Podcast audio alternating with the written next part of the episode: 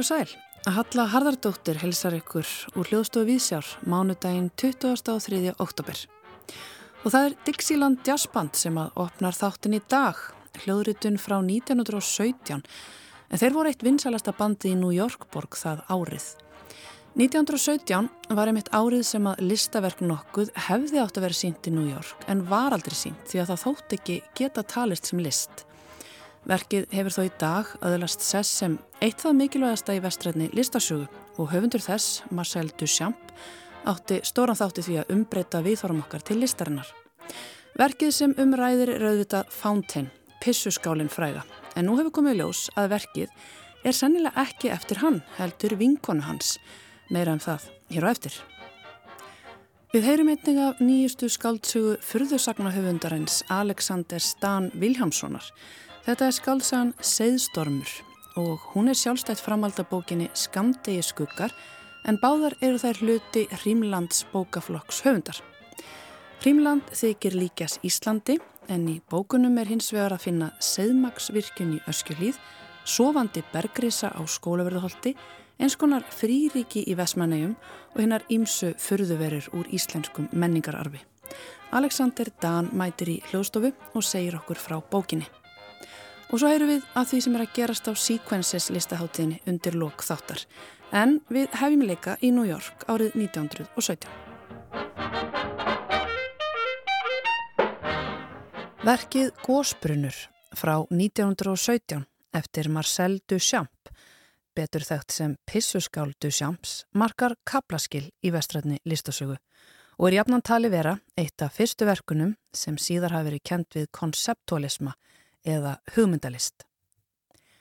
Uppalega pissuskálinn kom í raun aldrei fyrir sjónir almennings en höfundurinn sendi verkið til The American Society of Independent Artists í New York 1917 fyrir væntalega samsýningu. Öfu pissuskál á stalli með áletrun R.mút eða R.mút. Verkinu var hafnað á þeim forsendum að það væri alls ekki list og Duchamp sem satt í stjórn félagsins saði sig frá því vegna málsins. Pissuskálinn kvarf stuttu síðar en lifði í minningunni og á ljósmynd eftir Alfred Stieglitz sem síðar var nýtt til endurgerðar á verkinu. Duchamp er almennt viðurkendur sem einn af risum vestrætnar listasögu með höfuð og herðar yfir aðra á 20-stöldinni. Hugmyndir hans sem áttu rætur að reykja til dataisma um að list þurfa ekki að vera efniskent verk heldur hugmynd eða hluti af lífinu, áttu stóran þátti að umbreyta viðhórum okkar til listarinnar og skapa jarðvegg fyrir aðrar framústefnurhefingar 20. aldarinnar. En nú hefur komið í ljós að eitt af hans höfuðverkum, sjálf Pissuskálin, er mjög líklega alls ekki eftir hann, heldur eftir vinkonu hans, þýsku datalistakonuna Elsu von Freitag Lóringhofen.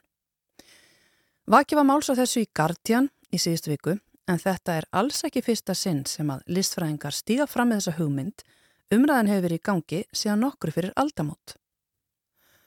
Raunar hafði engin hugmyndum hver raunverulegur höfundur verksins var fyrir árið 1935 þegar Guðfæður súrealismans André Breton sagði pissuskáluna verið eftir vinsinn Duchamp. Það var síðan ekki fyrir árið 1950 Laungu eftir andlát Elsu von Freitag og fjórum árum eftir lát ljósmyndaraverksins Stíglitz að Duchamp fór að tala um verkið sem sitt eigið og gefa leifi til að steipa eftirmyndir.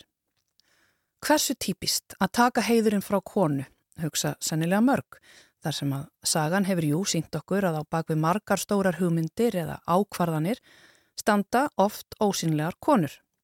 Þar að aukjör áhugavert að velta því fyrir sér af hverju fólk á svona erfitt með að trúa þessu. Og ef listfræðingar hafa bent á þetta árum saman, án árangurs, verður þá einhver tíman tekið marka á þessu. Í fjölda ára hafa fjölmiðlar dreyið fram rannsóknir listfræðinga sem hafa efast um aðkomendu sjams að verkinu. Árið 2002 kom æfisaga Elsu von Freitag út, Baroness Elsa, Gender, Data and Everyday Modernity eftir Irene Gammel þar sem að Gammel dregu meðal annars fram eftirfarandi sönnun. Bref dagsett í apríl 1917 frá Duchamp til sýstusinnar þar sem hann skrifar meðal annars. Vinkona mín sendi til félagsins pissuskál úr postulíni áritaða R-mút sem skuldur. Það var alls ekkert ósæmilegt og engin ástæði til að neyta því en stjórnin hefur ákveð að sína það ekki. Sem sagt, Duchamp segir hér árið 1917 að vinkonans hafi sendt pissuskáluna inn. Í november 2014 vakti veftímaritið The Art Newspaper aðtikla á rannsóknum listfræðingsins Glenn Thompson en þær hafa meðal annars varpa ljós á það staðrind að áletrunin á verkinu er rítönd Elsu von Freitag en ekki Duchamps. Í viðtali frá 1966 sagði Duchamp að hinn fræga áletrun á pissuskólinni Armut veri leikur á orðum umsnúningur á orðinu Mott sem væri skamstöðun fyrir J.L. Mott Ironworks, framleiðanda baðherbyggsvara í New York, þar sem að hann hafi keift pissuskóluna. En rannsóknir Thompsons hrekja þessa sögu. Tiltekin framleiðandi seldi aldrei slíkar skálar. Á þessum tíma var tegundin aðeins til í borg í Philadelphia, borg sem að Duchamp hafði reyndar aldrei komið til. Aftur á móti bjó vinkona hans þar á þessum tíma. Elsa von Freitag. Einni hefur verið bent á að Elsa von Freitag, sem einni var ljóðskáld, hafi mikið notast við orðaleiki í verkum sínum. Mút er til að mynda ennst orð yfir hund, hund sem ekki er hreinræktaður heldur blendingur, en Elsa var annaluð fyrir ást sína á hundum og fylgti vist íbúð sína á Manhattan af flækingshundum. Hún fylgti vist líka íbúð sína af allskynst drastli og sérstaklega var hún hrifin af pípulögnum sem efni við í listaverk. Sama áru pissuskálinn var gerð, 1917, síndi Elsa annað verk, skúldur úr flæktu pípulagningaröri á stalli og nefndi verkið Guð. Það hefur tekið langan tíma fyrir listeminn að jafna sá því að mögulega hafi einn af snillingunum logið sér í hag, nú eða tekið þátt í leik með vinkonu sinni og mögulega bara glimt að veita henni heiðurinn, en Elsa von Freitag Lóringhoven lest í fátakt í Paris árið 1927. En nú, tæpri öld síðar, er hún og verk hennar að fá þá aðtilli sem hún hefðótt skilið í lifandalífi. Elsa Hildegard Plötz fætist í Pólandi árið 1874 en fluttist ung til Berlínar þar sem hún sógaðist inn í ringiðu leikúslífsins. Þaðan fluttist hún til München þar sem hún varð hluta af Artnu Vósenunni. Hún fluttist frá vestur um Haf til New York þar sem hún giftist setni eiginmanni sínum, fátakum þjóni með barónstitil, barón Leopold Freitag Loringhoven. Hún varð virkur þáttakandi í datarhefingu borgarinnar og fljótlega var hún þekkt sem Data Baronessan. Elsa samti framústefnileg ljóð, teiknaði og málaði, framti augrandi gjörninga, notaði nýðursuðudósir og nývapur sem skartgripi og gekk nakinum götur Manhattan ef henni síndist svo. Hjá henni var listin upp á líf og dauða, órjúvanlegur hluta lífinu og leið til að hrist upp í kæfandi gildum borgarastjættarinnar. Hún var þekkt fyrir Readymates, ljóðranna skúldura unna úr fundnum hlutum sem öðlast merkingu í nýju samengi. Hennar fyrsta skráða slíka verk er Enduring Ornament Verkið er gamal hjárnringur sem hún fann á götum New York borgar þegar hún var að leið til borgardómara að giftast baroninum. Þetta var árið 1913, ári áður en að fyrsta ready-made verk Duchamps er skrásett sem er flöskustandurinn frægi frá 1914. En Elsa komst ekki á spjöld sögunar og listilega hugmyndaríkt uppátæki hennar að senda pissuskál til New York Society of Art Verk sem hefur orðið eitt frægasta rétti meitt sögunar varðað verki nágranna hennar og vinnar í New York, Marcel Duchamp. Og af hverju á fólk svona erfitt með að trúa því að þessi kona á bakvið frægasta verk Duchamps þrátt fyrir að svo margt bendi til þess?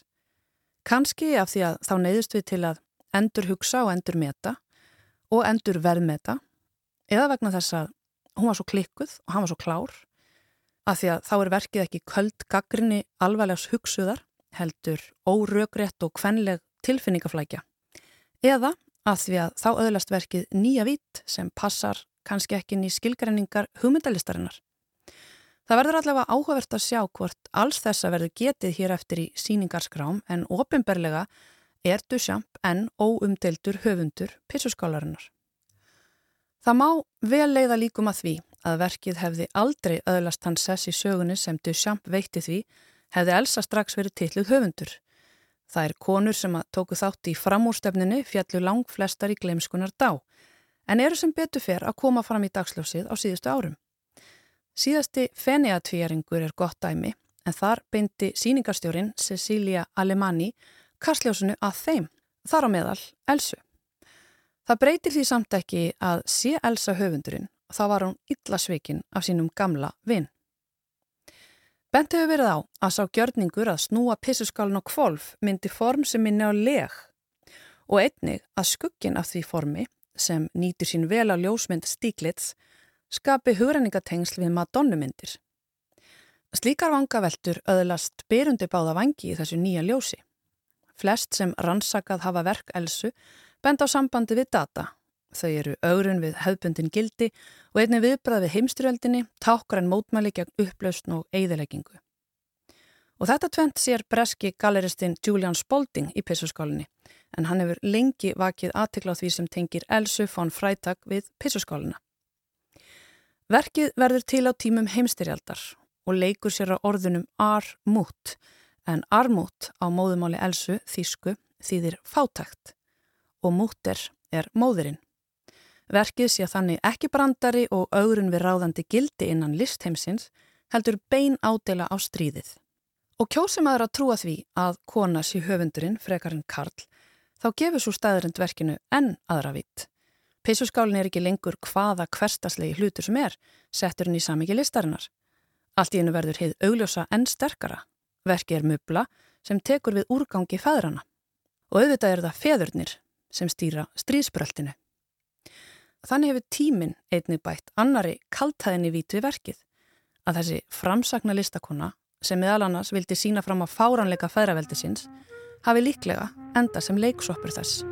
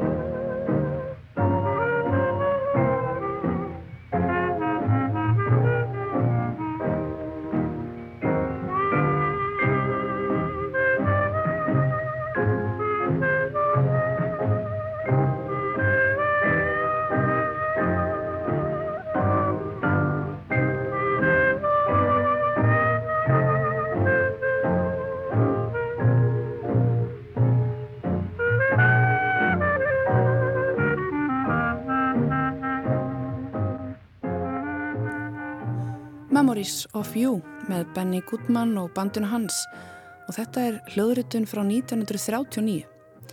En við færum okkur yfir í aðra veröld, Rímland, þar sem að flokkur seðskrata og galdramanna reynir að virkja mengað seðmagn á hálendinu og örvæntingar full feðgin sigla til Vesmanega í vonum að fá þar vistarband í fiskvinnslu. Tómas hitti skapara Rímlands og rætti við hann um nýjasta og jafnframt síðasta bindi bókaflokksins.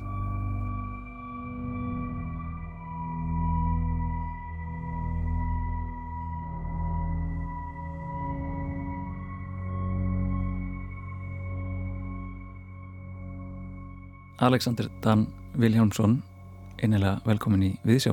Takk fyrir það. Og bókin Seðstormur, þetta er önnur bókin í bókaflokknum uh, sem fjallar um Rímland fyrir bókin Skamdegi skuggar kom út hérna 2019 eða var það 20? Mm, 20 á íslensku? Á íslensku, já, yes, passar. 2019 á ennsku já, já. Maður fer inn þessa bók og maður gengur inn í alveg risastóran heim um, mætti ég spyrja þig svona kannski stóru leiðilegu spurningar en að fyrst uh, varu til ég aðeins kannski útskýra þennan heim fyrir mér og hlustandum Já, þetta verður til sko í rauninni út af því að mér finnst leiðilegt að búa á Íslandi.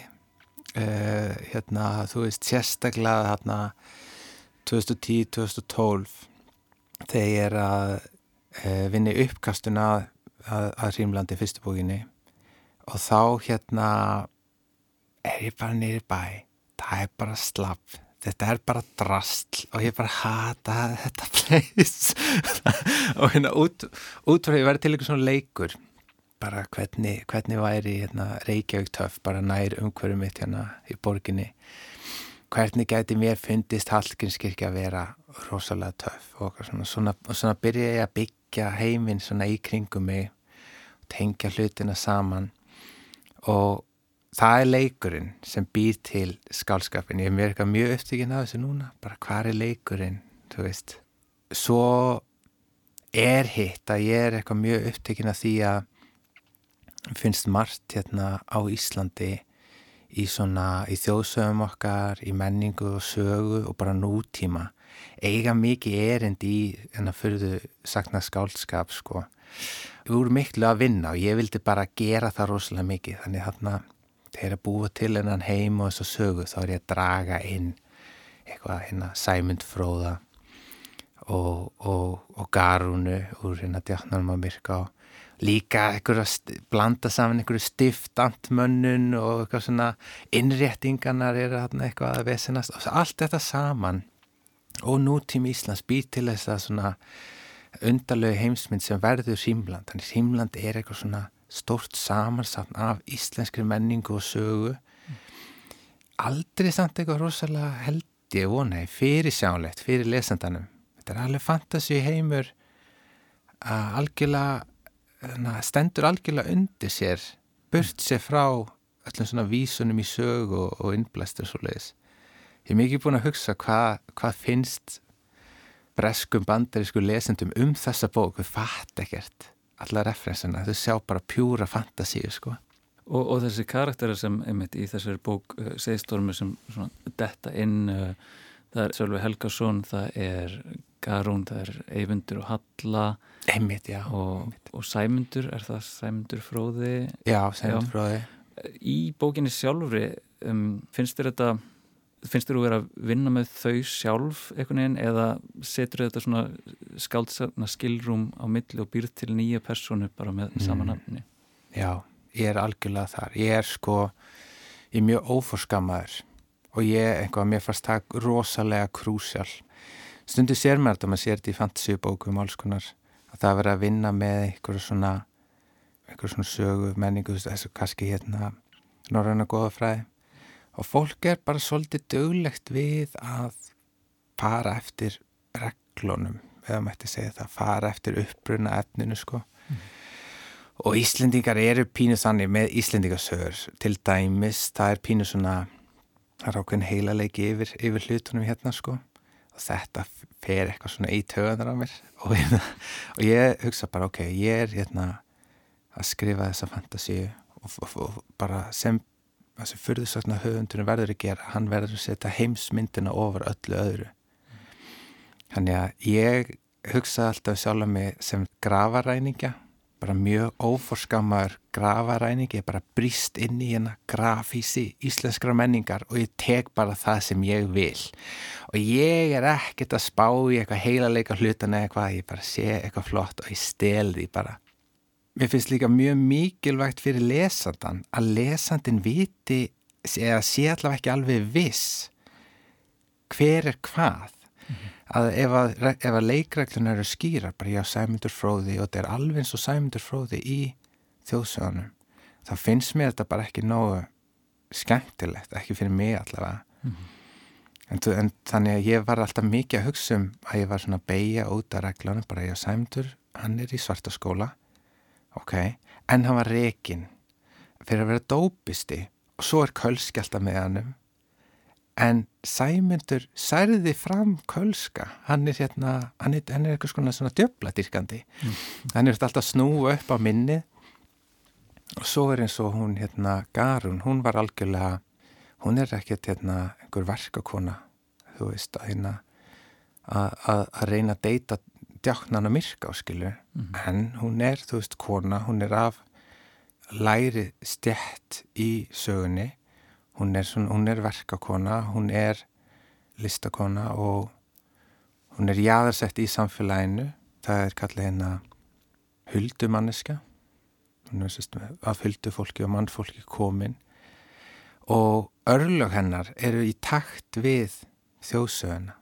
Hvernig að garunni þjóðsögunni ringir bjöllunum til að hveða nýrst þennan draug og eila ærist það er stef er til staðar personan, allt, allt öðru sig mm. þetta var allt bara leikur að finna út úr þessu enga fasta reglur ekkert, ekkert fyrirfram ákveð ekkert, engi stífleiki, bara eitthvað flæðir sko mm. En uh, saga bókarinnar, Seðstormur, hefst á uh, tveimur personum, mm -hmm. þreimur personum það er Kári sem er seðskratti í svartaskóla sem -hmm. að fær bóðum já, svona, einstakt tækifæri til að taka þátt í seiðvirkjunarverkefni á Hálandi Íslands mm -hmm. og síðan er það Elka og sonur hennar, Sölvi Helgason eh, sem sigla til Vestmanneja í leitað já, eitthvað svona betra lífi og, og Elka endar hann að vinna í fiski hvaðan, hvaðan spretta þessar sögur og, og hvert er það að stefna? Elka og Vestmannejar áttu uppröndilega að vera í fyrirbókinni En ég var bara ekki að þetta er allt of mikið, þetta er, þetta er mjög algengt líka með rítvönda og með fantasírítvönda og þau einn að, að, setja allar hugmyndinar í fyrstu bókina. Og maður er alveg reykist á svona bækur og það er verið að reyna allt of mikið fyrir eina bók hérna.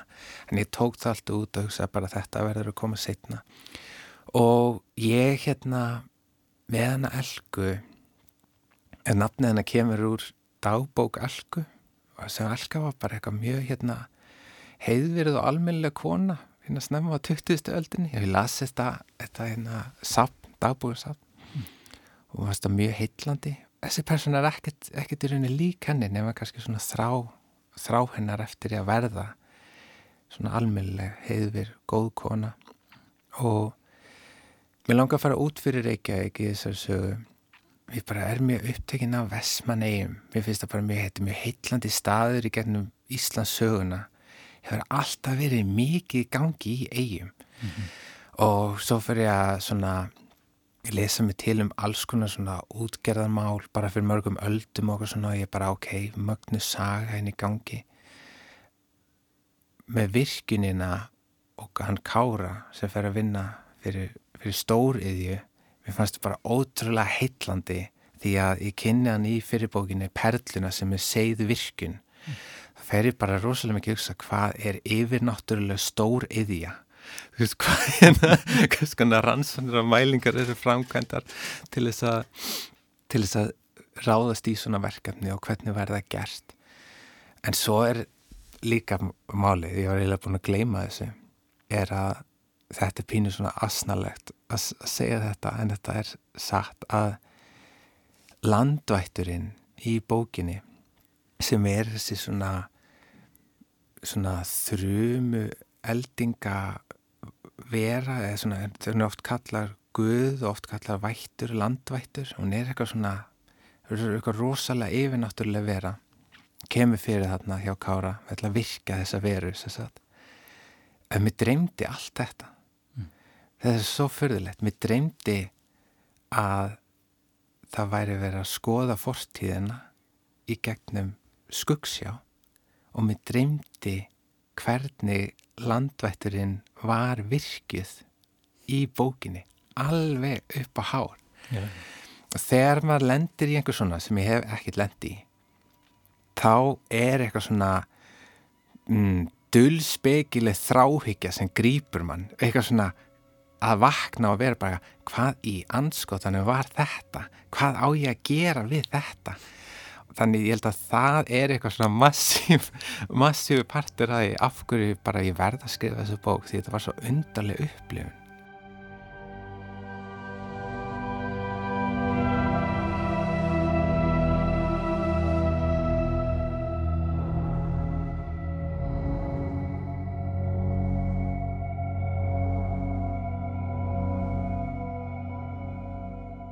Einmitt, þau eru að virka þess að veru þannig á hálendinu til að eh, seiðmagn og, mm -hmm. og, og, og bókin heitir Seiðstormur og seiðurinn er einhvern veginn svolítið svona hjarta þessara bókar mm -hmm. og það tók mér svona svolítið tíma að átta mig á því alveg hvaðan, hvaðan er og, og hann er oft svona pínu á huldu svona hvað hann gerir og, og hvernig hann virkar hvernig, hvernig erst þú að sjá fyrir þér segðin sem slíkan? Einmitt Seið, Seiðurinn, sko, seiðmagni er náttúru auðlind sem að er eitraður brunnur. Það er til mjög lítið af seiðmagni í heiminum. En það er mjög mikið að því á Hrímlandi. Það er rosalega óstýrilátt. Og Ísland er eins og Ísland er Hrímland er eins og svona er næstu því ó, óbyggilegt land uh, út af segðmæts eitrun og þá færður svona rosalegt, það er rosalegt svona Tjernobyl væp yfir hérna hálendinu og öllu svo leiðis það er ekki svona lífanlegu staður. Það er kvatin sem að umbreytir lífi og stökkbreytir lífi. Og út af fortíð þessa heims þá er þetta í rauninni eitthvað tær auðlind sem hefur orðið gjör spilt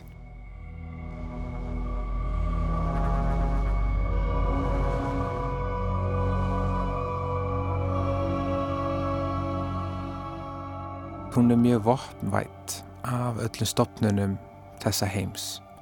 Að, að segskrættanir eru þeir eru með þessu svona stóru svona grímur sem er þessu svona fuggskokkar eins, eins og í svarta döða pláinni og læknagrímuna þá. Og þeir eru allir svona óræðir, þú veist að veit enginn hverja bak við grímuna hvaða manneski þetta er. Og þeir í rauninni líta bara á og sko þeir sem fulltrúi svona uh, yfirvaldsins sem er þá kalmar samveldi líta á þetta engöku sem auðlind sem hægt er að misnota og arðræna. Veist, það er ekkert það er engin vilji fyrir því að að náttúrann sé einhver svona eðlilegri ringrás henn að bara vera stjórna, hún að bara vera beislu. Og þessina að hérna, landvætturinn sé það sem á að virkja sem er þessi svona lifandi vera eða svona hún getur allavega ekki dáið þessi vera sko. Hún er til, eins og heyrðu hvernig tala hún er ekki lifandi, hún er ekki döið mm. hún, hún er til, hún er á einhverju svona öðru stíi en við eigum að skilja. Tilherir eitthvað svona fornum heimi sem við vitum ekki hvað er. Og er líka risastort skrimsli sem hljóma náttúrulega ekki heimskula en ég er mjög upptekinn af mikil fengleika þess. Hana mikil fengleika Godzilla vil ég kalla það. Mm -hmm. að bera augum risavaksið skrimsli sem er þrungið þessum svona dull mætti og þeir er alltaf bara að breyta í verksmiði breyta í vél og helst að breyta í vopn. Mm -hmm. og mér finnst það bara svo anstyggilegt svo fer þetta náttúrulega bara allt út þúur og ennáttúrulega algjört fjasko eins og virkjanamál er rosalega oft. En að hafa stegin í íslenska raunveruleika með hvað þetta mikið klúður og einmitt uh, svona varandi kannski íslenskan raunveruleika eða bara raunveruleikan sjálfan fyrir þess að hann um, hún svona skessu oft úr hún er ofta eins og flýir raunveruleikan en endar mjög ofta að vera mjög virku samtali við raunveruleikan og ég fór að velta þessu fyrir mér þessu sambandi manns og náttúru beislinn náttúrunar geyslunar kjarnorku stemminguna í segðmagninu og, og síðan þessu svona já, svona kapplaupinu við að að virka máttinn um, og afleðingar þess uh, er þetta lofslagsbókmynd? Já það er það 100% sko mm. yfirleitt eru þessar lofslagsbækur svona vísindaskálsöður í okkar heimi, þú veist, í nálæri framtíði ofta, svona kannski næstu 200 árum eitthvað leiðis en þarna er ég bara eitthvað mér langar að skrifa svona bók en ég vil að það sé alveg í byllandi fantasíu villisinu sko, sem ég elska. Og mér finnst líka þegar þú breytir dýnavíkinu svona mikið e, það meina bara okkar náttúrulega heimi og svo sem yfir náttúrulega heimi sem byrtist þannig í bókinni þá ferðu þau líka að tala um eitthvað sem er rosalega stórt. Og þú byrjar, þú stýgur svona stundum En mér fannst ég alltaf að vera að reyna það í þessari bók að stíga eiginlega inn í góðsöguna sem er samt rosalega raunveruleg, skilur hvað ég meina. Ja. Það fyrir þess að hann getur svona verið begja megin við þessa línu og þú ert í góðsögunni þú ert í einhverju svona eitthvað svona sósjálrealískur góðsög eða eitthvað svo og það, það heimsendir er rosalega mikið þema í þessari bók en ég áttaði mikið á fyrir svona æla eftir á að ég var, ég var að skrifa um heimsenda sem breytingu það er bara breytingar, breytingar, breytingar í gegnum allt. Eins og var að tala um við svo heillar eitthvað heimurinn breytist en heimurinn er líka alltaf enda. Mm. og þetta er náttúrulega svo bugandi. Þú veist, ég meina hvernig átt að skrifa bók um heimsendi og breytinguna sem það er? Og mér finnst bara einhvern af íförðusönni getur nálgast að sem konsept sem ákveð svona abstrakt og þú ert að vinna með eins og Ragnarök í, í náttúrulega góðafræði það er heimsendir sem er umbreyting sem er ringrás og okkur svo leiðis okkur finnst þetta mjög erfitt að skilja þetta sem mann fólk bara punktur sko. Ekkert bara eitthvað í dag, ég held að okkur alltaf finnst þetta erfitt að skilja þetta. Ég er algjörlega að tala um þetta í þessari bók og ég er mjög heitlaður af því í förðusögni að nátturann vakni að nátturann fari í sókn. Uh, eins og vættir sem við skrifaði var rosalega mikið um það.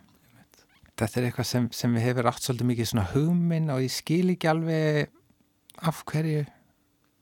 Kannski er það mjög eðlilegt, ég veit það ekki en, en, en ég, ég pæla ekkert mikið í því ég bara mm gerir bara sem við líst vel á.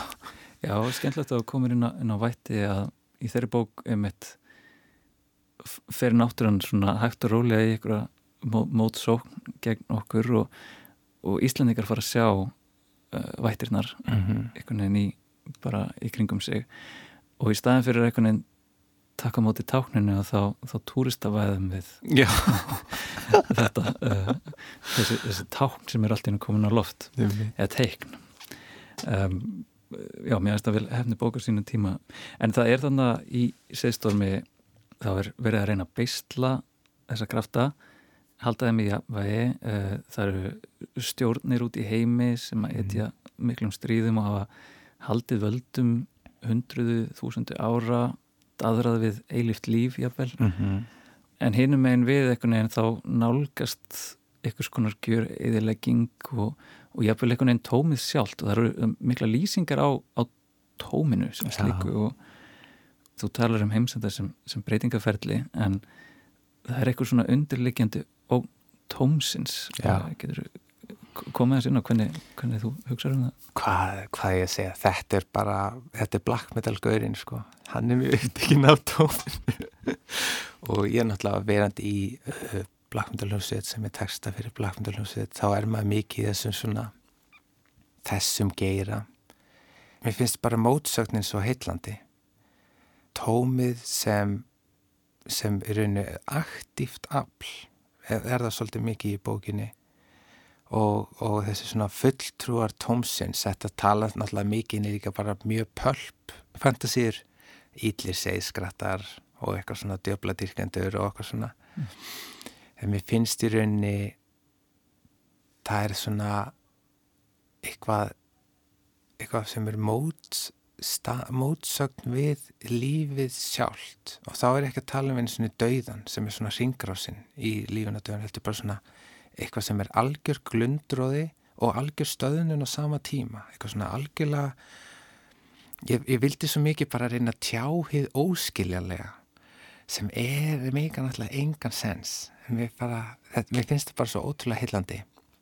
Þetta eru góðir þetta eru góðir skúrkar líka og í rauninni með því að stilla þessu upp svona þá þú ert með þessar yfirnáttúrulega lofslagsbreytingu á segðmagninu í heiminum um, sem er soldið svona apokalyptísk en henni er stilt upp á móti raunverulegum heimsendi sem er einhvern svona gjör eyðing tíma og rúms, svona yfir þyrmandi kosmísk baráta um upplaust alls sem er sko.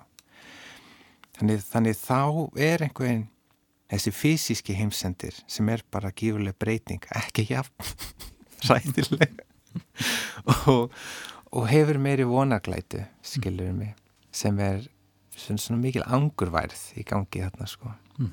en í rauninni er þetta bara út af því að ég vildi koma black metal tengingunni stert inn í söguna því mér finnst það bara ógislega töff og það, mér finnst það krúsjál krúsjál Já, góði skúrkar.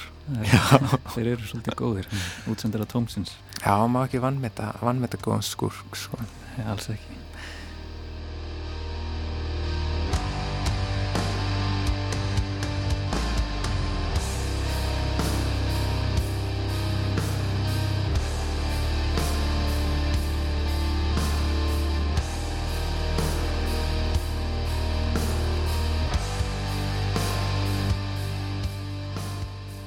Fyrsta útgáfa Rímlands kom út eh, 2014 mm. í sjálfsútgáfu og síðan endur skrifaru í raun bókina uh, á ennsku, mm -hmm. var það ekki og gefur út 2019 hjá Gollangs og svo kemur hún út uh, skamdegi skuggar fyrir hluti um, verksins, heildaverksins og uh, síðan núna kemur Seðstormur og það er síðasti hlutin, eða ekki Já. Rímlandi, þannig að þetta er tvekja hlutaverk finnst þér erfitt að svona hveðja svo stóran heim?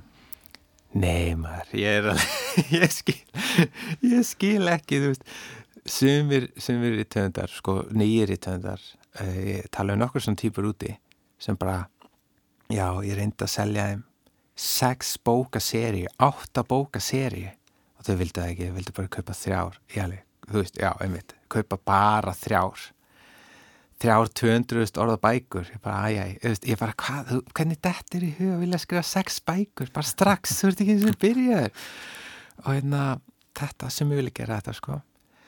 Um, ég var bara eitthvað ég vissi bara eins og, eins og ég sagði á hann þú veist, ég slefti personu úr skamdegiskuggum um, og hugsa þetta er eitthvað, þetta er sín einn saga og svo leiðis og ég var bara mjög sterklega með á tilfinningunni að bara að ég veit svolítið svona hvað þetta er bara bara tilfinningu fyrir hvað personur eru þarna í sögunni sem þarf að segja og ekkert meir.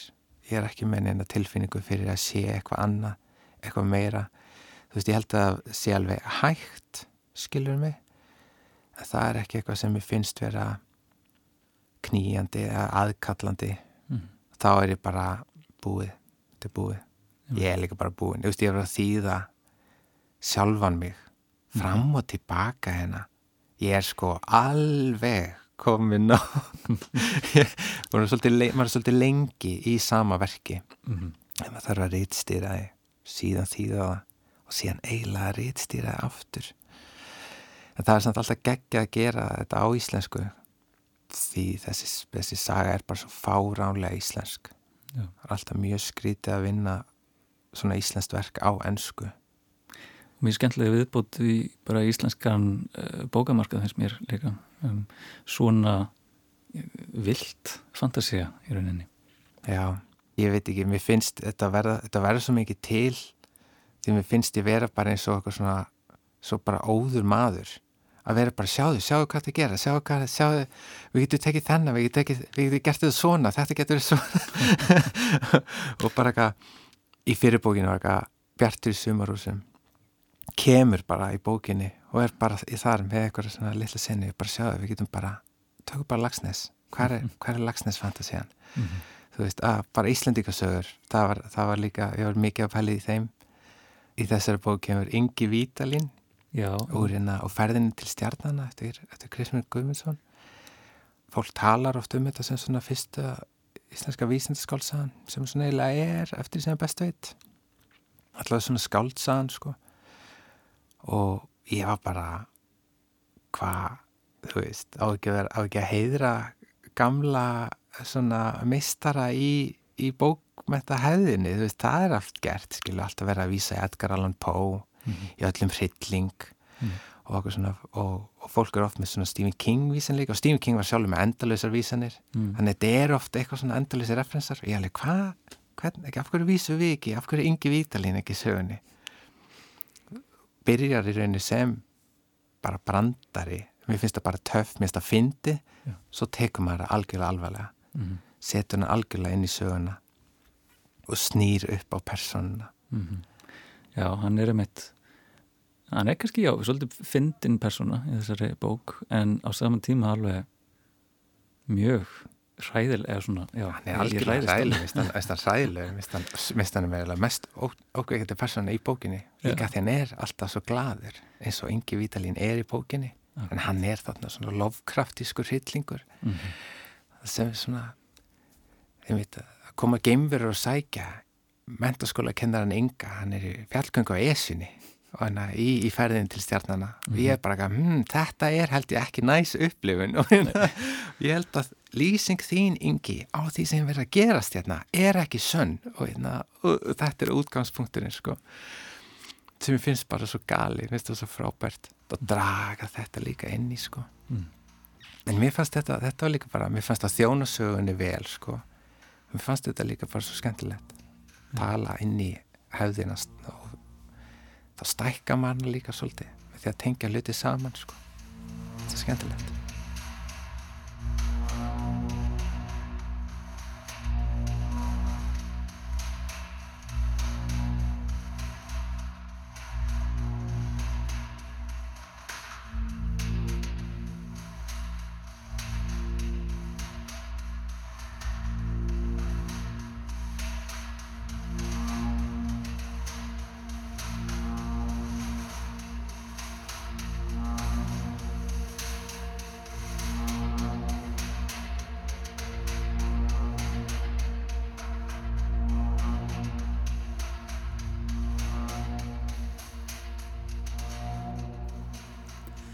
Tómas rætti hér við Alexander Dan Vilhjálmsson um nýjustu bók hans Seiðstorm sem er önnur og síðasta í bókaflokki hans um Rímland. Tónlistin sem að hljómaði í þessu einslægi er úr smiðju Hildar Guðnadóttur, verk sem að hún vann fyrir þættina Tjernobyl. Einni hefur við stutt tóndami frá Svartmálms hljómsveitinni sem Alexander Dan er í og nefnist Karpe Noctem. Þá komað samstarf okkar við listaháttina Sequences Dagbjörn Drífa Torlasjus tekur nú við. Góðan dag, kæri hlustundur. Í síðustu tveimri pislum höfum við fjallað um listaháttina Sequences. Síðast fjallaði Brynjóul Francis um valda listamenn og verk þeirra á síningunni Get ekki séð. Á síningum Sequences eru einni sínt fjölmörg verk í rauntíma en verk í rauntíma er skapað um leið og það er upplifað og er listaverkum varpa fram í gegnum tímatengdan miðil. Í dag ætla ég að fjalla um eitt rauntímaverk eða kannski er þetta ekki umfjöldun heldur miklu frekar vangaveltur mínar um gjörning eistneska listamannsins Jóhann Rosenberg. En fyrst örstutt um listamannin. Rosenberg er fættur árið 1997, hann er danshöfundur með bakgrunn í tónlist og dansfræðum og starfar á sviði dans- og gjörningalistar. Í verkum sínum notar hann reyfingar líkamanns og líkamstjáningu til að kanna heið óþökta. Hann tengir sér þannig við mismunandi staði í heiminum í gegnum fólk og tungumál Rosenberg hefur syngt víða um heiminn og unni til verðluna fyrir verksín. Það fyrir nokkrum kvöldum síðan að ég gerði mér ferð út á Skelljanis hér í Reykjavík, nánar tiltekið í tómarímið. Tómarímið er vinnustofa og einskonar tilrauna leiksvið ætla til frumsköpunar á verkum sviðshöfunda. Þetta kvöld var í forvitin og eftirvendingafull vegna þess að ég ætlaði að sjá gjörningin gildrur eftir fyrirnemdan Rosenberg. Það lá ákveðin óvisa í loftinu, koldimt myrkur skolluð á og ég hafa tilfinningunni að á einhvern nátt myndi þessi gjörningur reyfa við mér. Það er reynda þannig með gjörninga og gjörningalist að maður veitir raun og veru aldrei hvað býðum hans þegar að mættir og slíka uppákomu. Gjörningar hafa spilað mikilvægt hlutverk í því að gaggrína á augra ríkjandi gildum í listum og samfélagi. Þeir eru lifandi viðbyrðir, í eðli sínu hverfilir og möguleikarnir því endalösir. Það er einmitt það sem að gera þessa óvissu svo mikla. Líkt og titillverksins gildrur gefur til kynna má segja að áharfendum sé bóðið í nokkur skonar gildru. Þeir ganga sjálfviljur inn í síningareimið, meðvitaður um að síningin mun standa yfir í heilar 70 mínútur. Rýmið er freka lokað og þannig byggt upp að þú sérð ekki beint undankomileðina. Það er dimt og það minnir á rakan helli. Vekkirnir eru blöytir, þaktir brúnum pappir sem augljóslega byrjar að ripna og eigðast. Þrátt fyrir drungan lýsa döfur ljóskíslar í gegnum veggina og mynda gula, bleika og bláa slikju. Á yfirborði gólsins hafa myndast vatnspollar sem ljósin speiklast í. Það mynd, myndar einhvers konar sjónkverfingu og maður veitir raun og veru ekki hvort eitthvað leynist að nundir. Lofthæðin er undir mannhæð en er sveianleg því að hún er búin til úr neti. Andrónsloftið er mollulagt og reikmettað. Áhærfundur sitja á lámpöllum sem leikja í kringum leiksviðið og inn á það. Allt rýmið virðist vera leiksviðið og með því að ganga inn í það verða áhærfundur eins og partur af verkinu. Fólki situr þjætt, hvert innan um annað og þannig myndast eins konar samniti. Það þrengir því bókstaflega að áhærfundum þarna inni. Þetta kvöld þegar inn í tómarými var komið vissi ég hálfpartin ekki hvaðan ámist á veðrið. Ég gekk úr myrkri inn í annað myrkur. Settist á fyrsta pallin sem ég rampaði á við hliðin á manniski sem ég hafði aldrei áður séð. Það sama gildi um manniskina sem settist svo stuttu síðar heinum einu við mig. Hún hafði heldur aldrei séð mig áður. Þrátt fyrir allt rökkrið gáttu við áhorfundur náð auktsambandi og um leið hort á viðbröð hvers annars og þess samniti sem við vorum lend í. Ég var búin að sitja kjánalega lengi þegar ég áttaði mig á því að þarna í rökkrinu rétt við fætu mína lág mannleg vera. Hún láð hann á gólfinu alveg flött nema með uppreista handleggi og krefta fingur. Þarna lág listamæðurinn í fátaklum klæðum og tötralegum skóm. Hann virtist hafa lítinn hljóðnema við andlitið og eftir stuttastund hóf hann að skapa ókveikjandi hljóðheim sem svo þróast áfram í gegnum tilfinningaþrungar reyfingar hans. Upp frá þessu hóst ótrúlega atbyrðarás sem engjandist af nefni, ókn, óvissu, brjálaði, gletni og húmor en líka á einhvern ótskýranlegan hátt, nærgætni og umhyggju. Rosenberg byggir verksitt á upplifin áhorfenda og í gegnum þá þróar hann verkið. Hann teflir frá mikilvægi þeirra, býður þeim inn í undarlega nánt og gerir þá að þáttakendum. Hvernig áhorfendur upplifa sér í rýminu hefur áhrif á alla sem í því eru stattir og þar á meðan listamannin sjálfan. Það sem kom svo í ljós að grunur minn um að þessi gjörningur myndi reyfa við mér reyndist réttur. Ég hafði aldrei áður séð og skinnjað annað eins. Dróst sjálfinn í atbyrðarás gjörningsins á samt öðrum gestum síningarinnar. Listamærin skild okkur eftir í óvæntum aðstæðum sem við höfðum ekki beinlinis stjórn á. Áhörfundur bæði hlóu og vissu ekki sitt rjúkandi ráð, vissu ekki eins og hvort að mætti hlæja. Byðu svo í ofvanni eftir því hvað myndi gerast næst. Við það að ganga inn í áður óþætt umhverfi fyllist maður sterkri tilfinningu. Óur ekki gerir vart við sig en smátt og smátt fyrir upplifunin að verða kunnulegri. Einhvers konar samfélagsleg meðvitund byrjar að lipna við, áhörfundur opnast og þögult samtal millir þeirra og listamannsins á sér stað.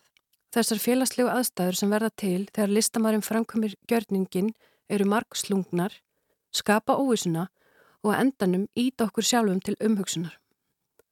Með verkinu gildurir eru eftir vil gerðar tilrunir til að varpa fram aðkallandi og vand með förnum álefni. Listamærin dregur upp staði sem eru til í raunveruleikanum en eru okkur falin.